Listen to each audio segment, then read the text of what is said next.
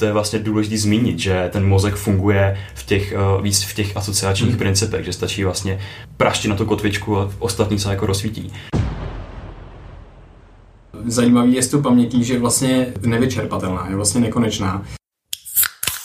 Vítejte u dalšího dílu podcastu Rozhovory z Česka. Je tady další téma Dana Tržela, dnes na téma paměť a učení. Jako obvykle mám dva super hosty, kteří o tomhle tématu vědí mnohem víc než já, a to Vojtu Hlaváčka a Jiřího Krištofa Jarmara. Oba kluci studují neurovědy, Vojtěch dva roky dělá v Akademii věd, Krištof zase v Národním ústavu duševního zdraví. A oba tohle téma opravdu fascinuje. V dnešním díle se dozvíte, jak paměť funguje, k čemu je vůbec potřeba a jak ji trénovat nebo lépe využívat. A taky proč je efektivní učení tak základní dovednost pro život a jak se učit lépe, efektivněji a trošku to hacknout ten proces. Takže tenhle podcast vám nás spoustu užitečných typů a pojďme na něj. Jaký jsou různý typy paměti? Protože my jsme se tady bavili předtím o tom, že vy oba máte rozdílný typy paměti. To si myslím, že je pro spoustu lidí vůbec překvapivý, že jsou nějaký různý typy paměti a jak to vlastně v tomhle funguje? Hm, tak já bych vlastně z, z začátek zmínil, že nejdřív máme něco jako krátkodobou paměť, a to je, jak si v krátkém měřítku vlastně ukládáme věci do paměti a ta je vlastně lehce vymazatelná, že když, když ti řeknu telefonní číslo, tak si ho jsi schopný uložit na pár vteřin vlastně do paměti, aby ho použil, ale jakmile tvoji pozornost přesun na něco jiného, tak se jí to vymaže.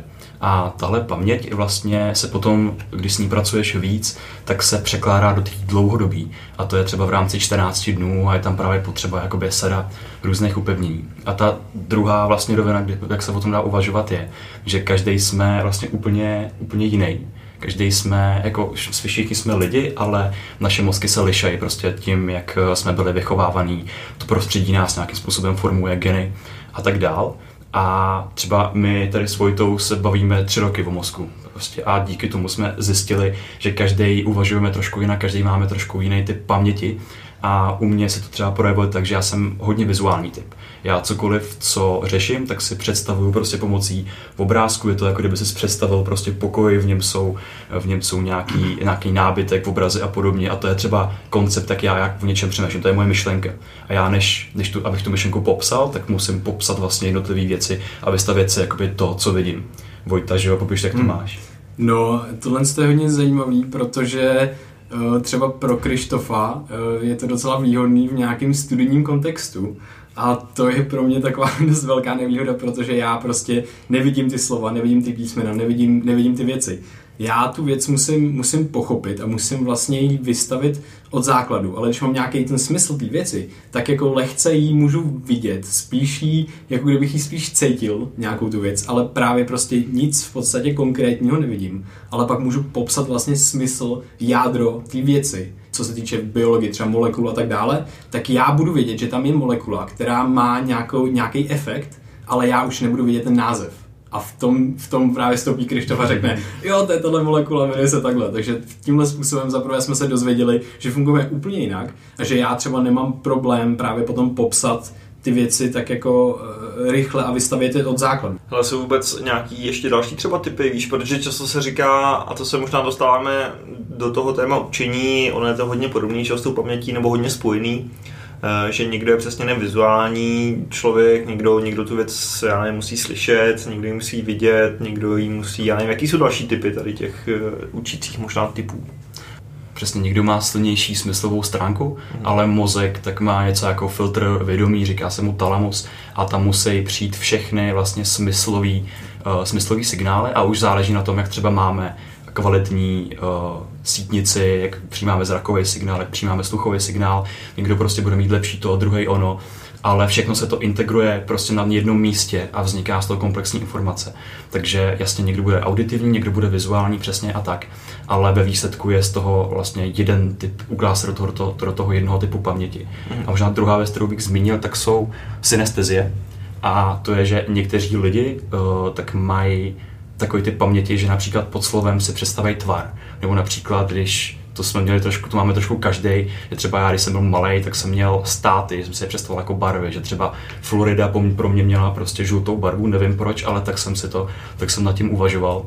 A tyhle, ten fenomén je vlastně taky zajímavý, že vidíš ty věci, jak, jak jsou, ale vidíš je jako nějakou, nějaký třeba jiný tvar, nebo pak už je to daleko víc jako posunutý, třeba vidí zvuky a tak. Hmm. A to už je extrém. Mm-hmm. Třeba, třeba je zajímavý právě to, jak se, jak se říká, spojit hodně těch věmů vlastně najednou. To se říká, že vlastně bychom měli třeba psát a zároveň to poslouchat, nebo klidně je úplně skvělý, když to člověk třeba jako sám nahraje a pak poslouchá sám sebe. To je úplně jako zase jiná, jiná zkušenost. A, a co je na tomhle zajímavé, je vlastně, že se nám vlastně asociují ty, ty, ty, ty informace, které přijímáme ve stejnou chvíli. Takže my tímhle s tím, třeba to se dostáváme přesně k tomu, k tomu učení, kdy člověk si může asociovat nějakou úplně jednoduchou věc, která je v jeho okolí při tom, když se učí. Třeba eh, já mám oblíbenou věc s lampou, takže vlastně vždycky, když jsem se učil třeba na státnice, tak eh, pro mě bylo to zapnutý a, a, a ulehčilo mi to vlastně se dostat do toho učícího modu, že vlastně vždycky, když jsem se začal učit, tak jsem zapnul, zapnul prostě lampu, kterou jsem měl na stole. A tím já jsem, a teď se jako učím a, a není to, je zaprvé to jako vědomí, ale potom se to dostane právě do podvědomí a ty, ty informace, který, který já přijímám, ty věmy, tak se spolu asociují a pro mě je teďka daleko jednodušší přijímat prostě informace a je úžasný, jak ten mozek tohle to automaticky dělá, aby vlastně mohl fungovat eh, v životě. Tohle dělá prostě neustále. Jo tohle je zajímavý vůbec taky to nastavení toho hmm. mozku, že jo, aby šel do toho jako teda vrcholného mm, módu a učil se a 100% se koncentroval. Hmm. Dneska jsem zrovna poslouchal nějaký rozhovory, že tohle třeba zápasníci jako mě extrémně, jako tady to přepínání z toho módu jako relaxu do toho maximální koncentrace. Hmm. Ty si říkáš, že to dá dělat třeba tu lampičkou, hmm. víš, jako je to dobrý si takhle tam jako dát nějaký nějaký standardní motiv, kdy tomu mozku řeknu, hele, OK, teď jako mhm. přicházím z toho módu nějakého relaxace do toho, teď se jako budu učit? Mhm. No, eh, jde o to samozřejmě, jak často bych tu lampu, lampu používal, jestli jsem ji používal celý život k něčemu úplně jinému, a pak najednou se rozhodnu, tak teď si budu učit a vždycky zapnu lampu a nebude to v rámci třeba dne, týdne nebo takhle, tak to určitě nebude tak efektivní, jako si vytvořit úplně něco jiného. Třeba je zajímavý tu externí věc si dát uh, ne externí, ale interní, takže já si třeba můžu něco vytvořit, nějakou asociaci třeba s nějakým, třeba s dotykama prstů a tak dále, takže se můžu na, na vlastně asociovat třeba dotyk malíčku a palce, a budu se vlastně dotýkat vždycky, když se jako potřebuji učit, nebo když se začínám učit, nebo v průběhu toho učení. A je to, je to jako až zázrak, že za nějakou dobu je to prostě potom daleko jednodušší se dostat do toho, do toho modu a přijímat ty informace. No. Takže, takže určitě tohle je skvělý, skvělý, skvělý, skvělá poznámka, protože jasně lampa, kterou, která svítí pořád, tak mi nebude fungovat no, najednou v tomhle tom kontextu. Je zajímavý vlastně, jak uh, můžeme pracovat i s tím kontextem toho učení. Že když jsme se teď učili na státnice, tak uh, já jsem měl třeba moc, že jsem seděl u lavice a učil jsem se nějaké věci, ale ono je dobrý, dobrý to kombinovat, takže třeba se zvednout a začít s tím chodit. A teď ten mozek vlastně se dostal do stavu, který vůbec nezná a snaží se tu, ten stav kódovat o to víc, takže já se zase budu učit efektivně i při pohybu, třeba když chodím prostě po té místnosti a pak se sednu. A ono to souvisí, když trošku zaběhneme trošku hlouběji do těch neurověd, tak to souvisí s přepínáním uh, dvou sítí. A jedna tak to je centrální exekutivní síť a to je síť pozornosti, a v týmu jsme, kde se učíme. Takže prostě konzumují informace, ale samozřejmě není vůbec efektivní konzumovat informace pět hodin v kuse, prostě pořád neustále. Ale jakoby členit si to. Takže já budu konzumovat ty informace například půl hodiny, hodinu nebo tak a musím tam dát nějakou pauzu, kdy ten mozek má šanci se odpočinout. A já jakmile například o to stačí jenom o to učení vlastně odvrátit pozornost, podívat se někam do dálky, tak já v ten moment zapínám druhou síť a to je uh, Default Mode Network a to je vlastně klidová síť a ten proces samotný, tak vlastně uh, je docela zásadní i pro, to, pro tu integraci té informace a i pro další jako kreativní proces. Hmm. Aha. Hele, jak ta paměť vlastně funguje? Protože ty jsi zmínil už, že funguje nějaká krátkodobá, dlouhodobá. Je to hmm. prostě tak, že ty přijmeš ty nové informace a teď e, říká se, a nemusíš několikrát zopakovat, aby si si dopravdy zapamatoval, hmm. nebo jak vůbec dochází k tomu přechodu z té krátkodobé paměti do té dlouhodobé? Jo, tak u toho je vlastně hodně, hodně důležitý, důležitý spánek. Zajímavý je s tou pamětí, že vlastně nevyčerpatelná, je vlastně nekonečná. A, a to funguje tak, že vlastně eh, ty, ty, ty, ta paměťová stopa, ty, ty neurony, které kódují určitou informaci, tak vlastně oni postupně, ty synapse, ty spoje mezi nimi, tak postupně jako zanikají. V podstatě pořád nějakým způsobem. A my, když právě tu informaci nezopakujeme, tak, eh, tak, to, tak nezastavíme tohle to zanikání těch synapsí a samozřejmě po nějaký době uh, se ztratí. Ale teďka je zase zajímavé to, že my máme sice, ano, máme ohromné množství, ohromné množství neuronů, takže už bychom mohli kódovat vlastně v jednotlivých neuro, neuronech a v neuronálních sítích nějakou informaci, ale to by, to by nestačilo. Takže my teďka to můžeme eh, vlastně eh, udělat sumaci v, časo, časoprostoru v rámci, tý, v rámci toho mozku. Takže my vlastně máme stejnou, třeba máme informaci a, a tu, tu vlastně na, pře, tu vlastně zakódujeme nějakým způsobem v nějaký, v nějaký neuronální síti a ta další neuronální síť eh, s jinou informací se zapne v jiném kontextu trošku, s, trošku s jinýma neuronama, a, takže se vlastně dost částečně překrývají, a, ale bude to úplně kodovat úplně jinou informaci.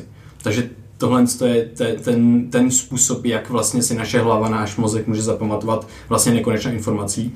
A, a jak jsem zmiňoval spánek, tak to je to, kdy vlastně ta informace ze té krátkodobé paměti pře, eh, vlastně přetransformuje, překóduje do té dlouhodobé, do zbytku vlastně mozku. Nejdřív to je vlastně v hypokampu zakódováno a potom v, v, vlastně ve spánku, proto je spánek eh, vlastně tak důležitý taky, tak se vlastně začíná kódovat do celého mozku a, a hodně zajímavá věc je ta, že, že vlastně postupem času, kdy se učíme něco, něco nového, třeba, třeba řídit, tak na začátku toho je strašně moc a vlastně můžeme si to přes, představit doslova, že to, že to zabírá větší kapacitu mozku. Je to, je to hodně neuronů a, a je to hodně náročný pro, pro naši hlavu a nemůžeme přitom třeba na začátku poslouchat podcasty. Máme co dělat, aby jsme slyšeli toho instruktora a, a nevíme prostě zřadit a blinker všechno najednou. A postupem času se ta informace v tom mozku redukuje na menší a menší počet neuronů a my najednou máme daleko větší kapacitu myslet na ostatní věci.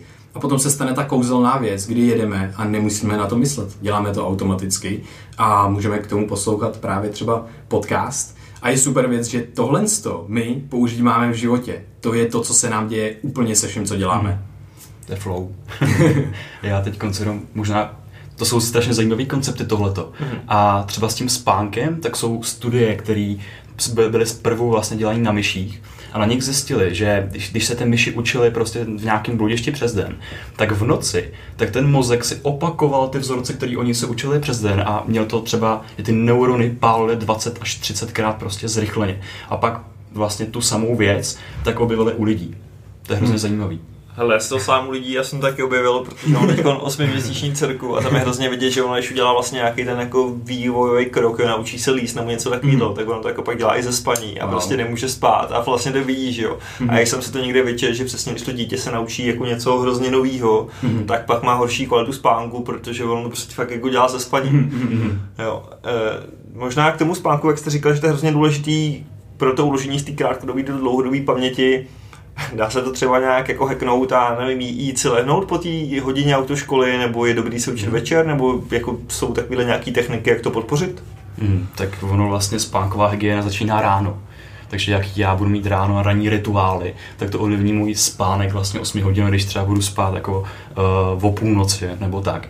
Takže já vždycky jako říkáme, že je dobrý jako jako když začínáš ležovat, to začínáš na vrcholu hory a ty ráno máš nejvíc energie, nejvíc prostě kortizolu a všeho, takže si prostě na ráno hodit takový ty jako náročnější kognitivní, kognitivní uh, úkoly a postupem dne je vlastně jako postupně jako ukrajovat třeba dobrý je si dát poslední kafe okolo čtvrtý hodiny, protože kofein má poločas metabolický asi 8 hodin, to znamená, když se dáš průměrný, uh, samozřejmě. průměrný, když se dáš ve 4 hodiny šálek kafe, tak půlku z něho ještě budeš mít vlastně o, půl, o, o půlnoci v krvi. No a vohekování spánku je jako, to je docela komplexní a to téma, ale třeba tak Jo, třeba právě, jak jsi, jak jsi říkal, eh, ten, ten, ten nějaký eh, nep prostě mm-hmm. po, po nějakým učení, tak to je hrozně, to je hrozně efektivní, mm-hmm. protože přímo byly studie na tohle, kdy oni se učili nové věci, byly to myslím nějaký jako seznamy slov a tak, a potom byla skupina, který uh, pasivně nějakým způsobem odpočívali, třeba koukali na televizi nebo něco, a potom byla skupina, která se šla prostě vyspat na chvíli. No a samozřejmě ta skupina, která se vyspala, tak si to pamatovala daleko víc. Uh, to je jedna věc. A druhá věc je vlastně, můžeme to poslat do té roviny naší jako osobní zkušenosti, mm. kdy uh, to, to, to učení na ty státnice bylo hodně intenzivní a přesně je je vidět, jak ta hlava potom to jako úplně chce a já jsem vlastně každý den měl právě 15-20 minut, kdy jsem si eh, po obědě lehnul, nebo automaticky jsem už vlastně tak jak usnul a, a mě se tam mně se dokonce, já jsem jako se snažil přemýšlet nad těma věcmi, když jsem usínal, co jsem se učil. No a potom se mi zdály takový uh, sny v polospánku a, a ty věci se mi tam jako spojovaly. Úplně vůbec to spolu nemělo nic, nic společného. Třeba jsem se učil zase o, něco, ně, o něčem z, z biologie, o nějakých, nebo o, z neurověd.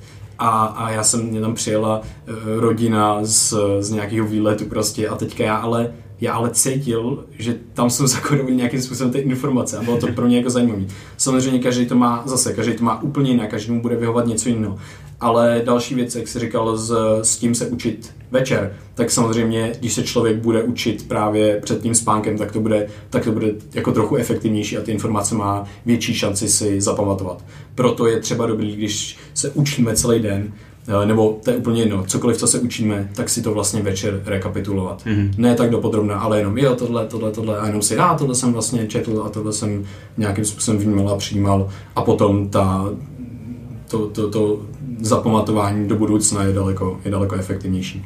Hmm. No je třeba zajímavé, i jaký substance interagují interagují s tím spánkem. Máme vlastně takový eh, dva typy spánku. Jeden je hluboký, hluboký je jako delta wave spánek a druhý je REM spánek a to je vlastně spánek, kde se nám právě zdají ty sny a který se vlastně hloučí v té poslední fázi toho spánku, proto jsme si schopni některý sny zapamatovat. Sny se zdají vlastně každému, ale ne každý si je schopný uh, vlastně potom vybavit. A v těch hlubokých částech spánku, tak tam vlastně probíhá kódování těch jako různých komplexních formálních informací. Ale co je zajímavé, takže v té REM fázi, tak tam probíhá kódování vlastně emoční paměti. A tu REM fázi třeba úplně jako vystřihnout z toho spánkového cyklu věce, jako je alkohol nebo marihuana. Mm-hmm. A takže třeba nekonzumovat prostě jako před spaním. No. nebo ovlivní to rozhodně, to ovlivní ten spánek. Mm. Jo. A ještě, ještě vlastně k tomu, jak jsme mluvili o těch uh, ranních rituálech, to je hodně důležité zmínit, aby aby posluchači vlastně měli praktickou věc, věc, co to teda vlastně, jako je, co mám teda vlastně udělat. My jsme zmínili rituály, ale už tady není žádný, žádná praktická věc. Tak ta, tak ta nejjednodušší věc je prostě si zvednout uh, heart rate, Uh, takže to je, to, je, to je jedna věc a to zase ve studiích bylo potvrzeno, že, že zvyšuje, zvyšuje právě kvalitu spánku. A potom ještě další věc a to je prostě jít na sluníčko na chvilku. Jít na 15-20 minut první věc ráno na slunce a to nám zase zvýší kvalitu spánku, což je úplně úžasné. Takže dát se nějaké jako lehké cvičení nebo něco takového. Přesně tak, a přesně tak. Ven. Klidně, klidně se projít venku, jako. Ty rychlejší chůze, jako to je úplně ideální, no, takhle ráno.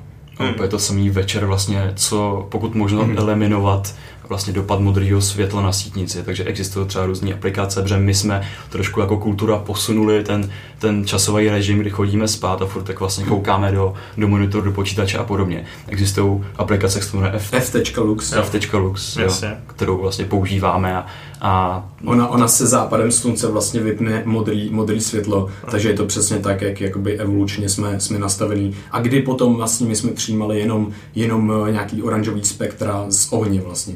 A mm-hmm. to modré světlo, který teďka nám prostě září jako vlastně do obličeje, uh, mnohdy uh, u mnoha lidí, když jdou spát a poslední věc, je, co, co dělají, koukají na telefon, tak je to, tak tu kvalitu spánku zase hodně, hodně narušují. Mě hodně zaujalo, jak jsi říkal vlastně, že se ti pak jako vybavovalo to, o čem si přemýšlel, než jsi šel spát třeba. Já jsem dneska poslouchal rozhovor s Joshem Witzkinem, což je člověk, že, který jako je taky schopný se naučit neuvěřitelné věci a a byl mistr světa asi ve čtyřech různých eh, disciplínách od šachů po brazilský jiu-jitsu a všechno možný. A ten říkal, že jeden jako vlastně z rituálů, který už dělá desítky let a jeden z největších věcí je, že přesně večer, než jde spát, přemýšlí na nějakou nejdůležitější otázku, kterou zrovna má a ráno ještě než, než, než začne střebávat nějaký informace, tak eh, na ní brainstormuje. Mm. Jo, až to prostě nějak funguje, samozřejmě večer asi chce to jako pak tu hlavu vyprázdnit mm. a ne mhm. úplně si to jako nosit sebou mm. do spánku ale, ale to třeba říkal, že jako jemu funguje už desítky let naprosto hmm. výborně. No. Hmm. To je zajímavé, co teď řekl, protože třeba já, mám, já jsem měl večer hodně velký problém. Já jsem měl problém se spánkem, protože jsem najel právě na ten mod hrozný kreativity a ta hlava se mi šíleně rozjela. A právě ten stav, že jo, toho klidu, toho remu, tak to je něco, kde, kde prostě Nikola Tesla a další Edison prostě vymýšleli ty svý objevy. A teď mám blackout, vlastně zapomněl jsem, co, co chci říct a je to vlastně úplně jako v pohodě. Jo, to je super, protože tohle, to, s my hodně, hodně pracujeme, protože my vlastně proč nás jako zajímá tolik paměť, tak to je vlastně kvůli tomu, že jsme začali studovat. A, Furt a, zapomínáme. a jedna, jedna, z věcí byla, že prostě úplně tu paměť nemáme až tak dobrou. A, a je super s těma, s těma blackoutama, s blackoutama pracovat.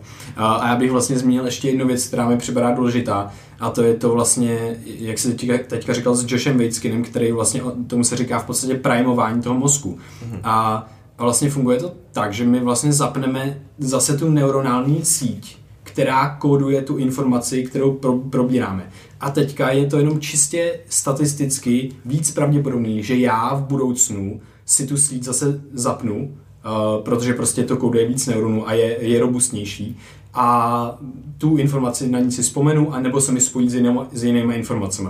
A tohle je další věc, jak funguje právě to, když Krištof říkal, že zapínáme tu síť, kdy se prostě učíme a jsme fokusní na něco a zapínáme tu defaultní síť, kdy prostě jenom třeba jdeme ven, venku a procházíme se a tak. No a v tohle to my můžeme taky využít v rámci, v rámci učení, kdy se třeba dáme bloky třeba 20, 20 minut a potom my vlastně přepneme tu síť na úplně něco jiného. A co se stane v mozku je úplně, to mě hrozně baví a to je to, že ta informace, která byla fokusovaná na těch prostě konkrétní, na těch, nevím, řekněme příklad třeba 20 neuronů, což je samozřejmě, to jsou třeba miliony nebo 100 tisíce na začátku, a, tak řekněme 20 neuronů, který potom se e, vlastně rozutečou v rámci té diffuse network, která, který, která je rozptýlená a ta stejná informace se začne kódovat s jinýma neuronama který nemají s tou informací nic společného. A co se stane v budoucnu je to, že když si chceme vzpomenout na tu informaci, tak my vlastně máme víc jakoby kotev, kterých se můžeme chytit v rámci toho mozku a máme větší šanci, že si na to zase vzpomeneme, protože tam je víc zapojených těch neuronálních eh, mechanismů, těch neuronálních spojů. Uh, takže to je skvělá věc. My jsme třeba dělali to, že jsme se, že jsme chodili se učit a, a brainstormovat na, na trampolíny. A trampolíny vlastně jsou hodně náročný protože musíme myslet jakoby na to tělo a hodně tohle to ovládat, takže nemáme vůbec kapacitu myslet na nic, jako co jsme řešili. A když tyhle ty dva módy vlastně střídáme, tak je to zase hodně, hodně efektivní a spojují se úplně nový neuronální sítě a, a synapse a tak. No. To ten proces zrovna třeba probíhá, jako když si představíš, že máš letiště, například Prahu Berlín, a mezi tím lítají letadla a to jsou prostě brutálně, že jo, silný spoje, máš tam největší tu nahloučenost. A když právě děláš, když přepínáš mezi tou pozorností a tím kladem, tak to je jako kdyby si hledal zkratky, různé cestičky prostě po různých vesnicích a to je hrozně super. A jak se říká s těma kotvama, jak prostě máš tu informaci prostě rozdělenou do těch bodů a máš několik těch kotev, tak uh, třeba mozek, že když si teď tě vidím poprvé, takže já si kódu tvůj obličej například do třech bodů, jeden bude oči, druhý bude nos, třetí bude pusa a pak například jako jméno. To se rozdistribuje do různých částí mozku a pak když prostě někdo řekne uh, tvý jméno, tak já vlastně mi ten mozek udrží, udeří na ten, na ten jeden bod a mě to rozsvítí celý vlastně celkově. A to je vlastně důležité zmínit, že ten mozek funguje v těch, uh, víc v těch asociačních, asociačních hmm. principech, že stačí vlastně uh, právě praštit na tu kotvičku a ostatní se jako rozsvítí. A to je hrozně zajímavá studie, že jako kdybych ti řekl, že ti ukážu 10 tisíc obrázků v rámci třeba příštího týdne a každý na půl vteřiny, kolik bys řekl, že si jich zapamatuješ? Asi žádný. A, a, to je hrozně vtipný, že oni tuto studii přesně udělali. Aha. A ty lidi přesně jako, ty 10 tisíc obrázků, to jsem úplně jako v háji, že jo, to nemám šanci. Ale oni se pamatovali, ten mozek podvědomě si uložil úplně všechny, protože oni pak udělali to, že vzali ty obrázky, vždycky vzali ten obrázek. Každý z těch 10 tisíc obrázků tak vzali a dali ho do dvojice s, nějakým, s některým úplně nesmyslným, který těm lidem neukázali. A ty lidi vždycky ukázali na ten správný obrázek, nebo asi v nějakých 80 až 90 procentech. To znamená, že všechno, co my vnímáme, tak se do toho mozku ukládá právě díky tomu, eh, že ten mozek má nekonečnou kapacitu se neustále ukládat informace. Ale právě otázka, kdy my, kde vlastně my narazíme na nějakou tu možnost si to vybavit. Je to, když si třeba vzpomínáme do dětství na vzpomínky, které ani nevíme, nevíme, že máme, protože jsme, si, jsme je přebyli nejrůznějšíma možnýma dalšíma věcma a informacema, ale jak na to přijde řeč a člověk se právě naprajmuje třeba na to dětství, že to s někým řešíš, tak uh, ti začnou ty vzpomínky přicházet. A ty jsi překvapený, kolik, jsi, kolik si toho pamatuješ. Já jsem třeba překvapený, že vlastně říkáte, že tu paměť máme neomezenou. Víš, jako vím, spoustu lidí praktikuje takový trošku tu informační, nechci říct embargo, ale prostě nečte noviny, protože si jakoby v úvozovkách nechce tu paměť zahlcovat hmm. informacemi, které mu k ničemu nejsou.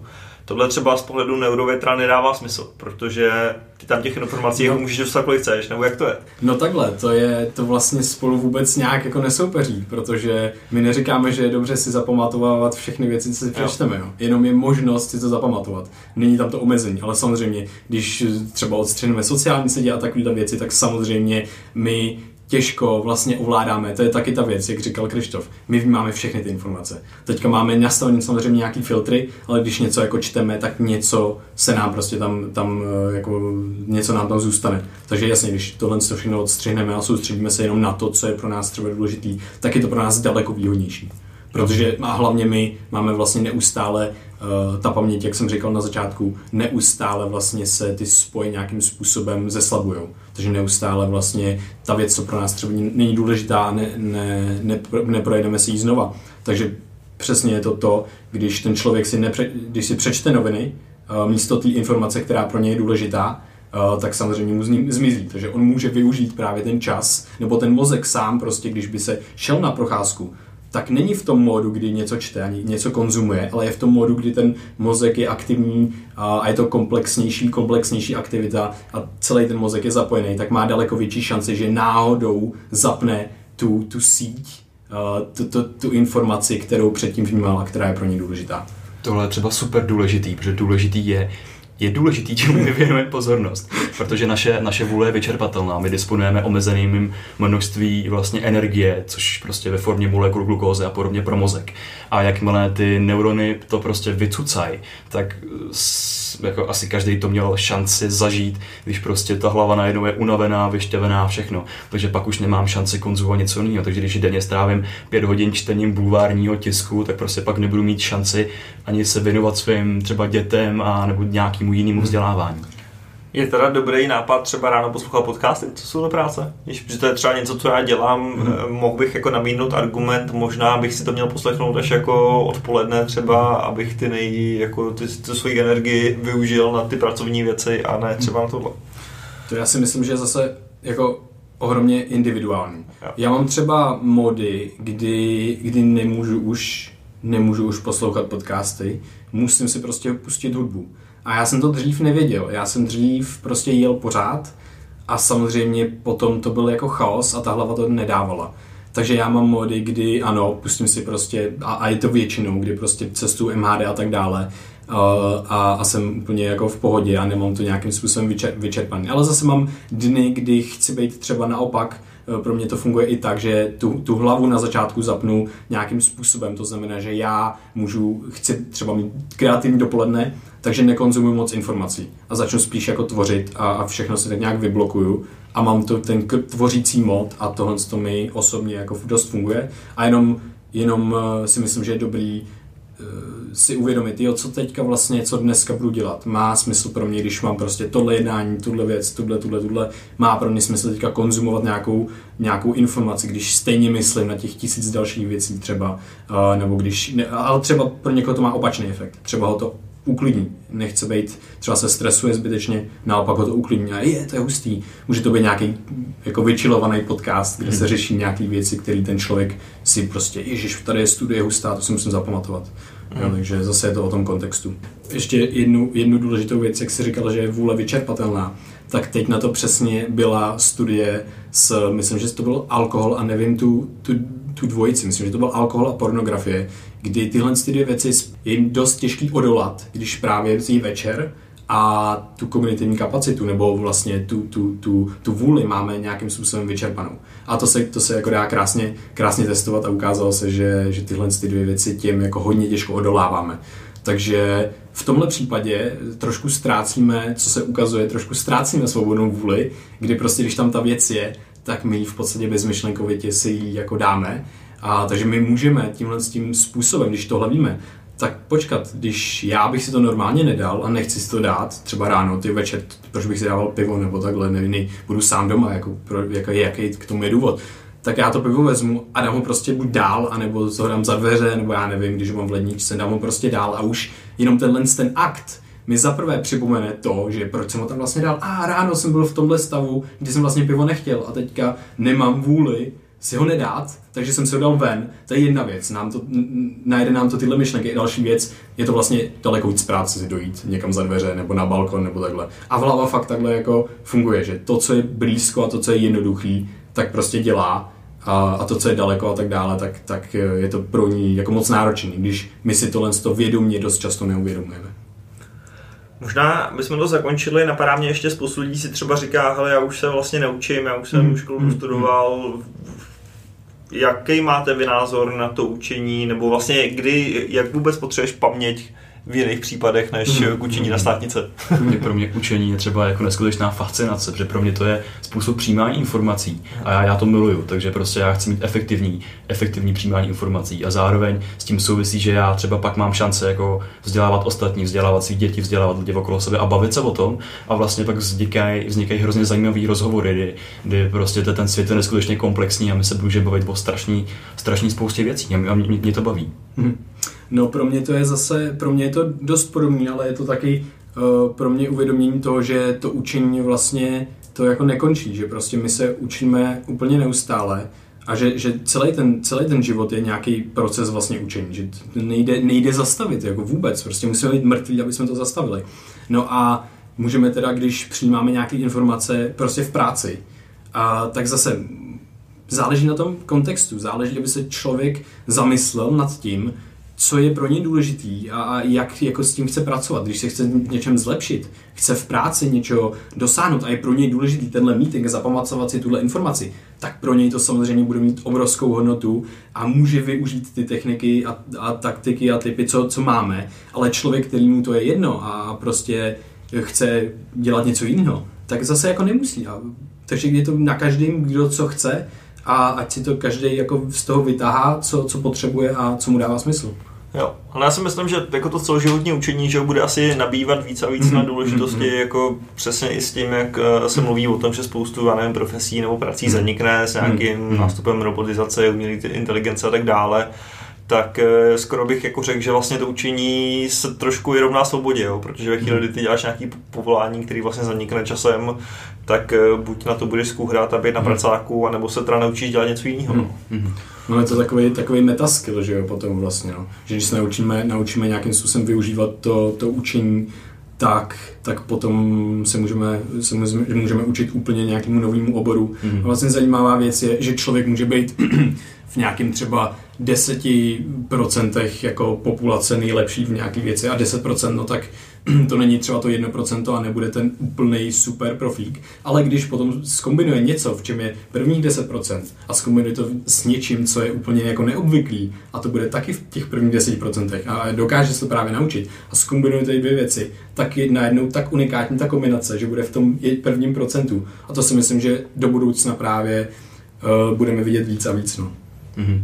A vlastně uh, tomu já myslím, že v budoucnu tak právě bude vyžadována větší flexibilita, se týče té tý paměti a jak dobře se bude člověk schopný učit, tak to vlastně se pak odrazí na tom, jak dobře bude třeba žít, jak prostě bude vypadat jeho realita, jak bude vypadat jeho svět.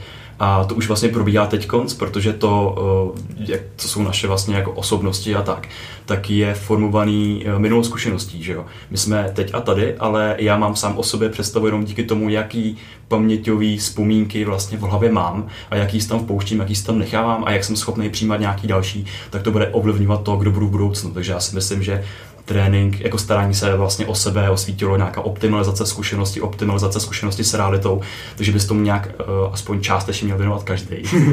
Super, ale díky moc kluci, já si myslím, že jsme minimálně načali spoustu věcí, co se hmm. týká učení, paměti i spánku, oni prostě tyhle věci jsou asi tak zase propojený, že se nedá úplně mluvit o jedný a, a nezmínit eh, ty ostatní já doufám, že si z toho třeba každý něco málo odnes a, a aspoň třeba jednu věc implementuje do svého života a bude se líp učit. jo, my moc děkujeme za pozvání. Moc děkujeme. Díky moc, že jste nás poslouchali a budu se na vás těšit zase za měsíc u dalšího tématu Dana Tržela. Mějte se, ahoj.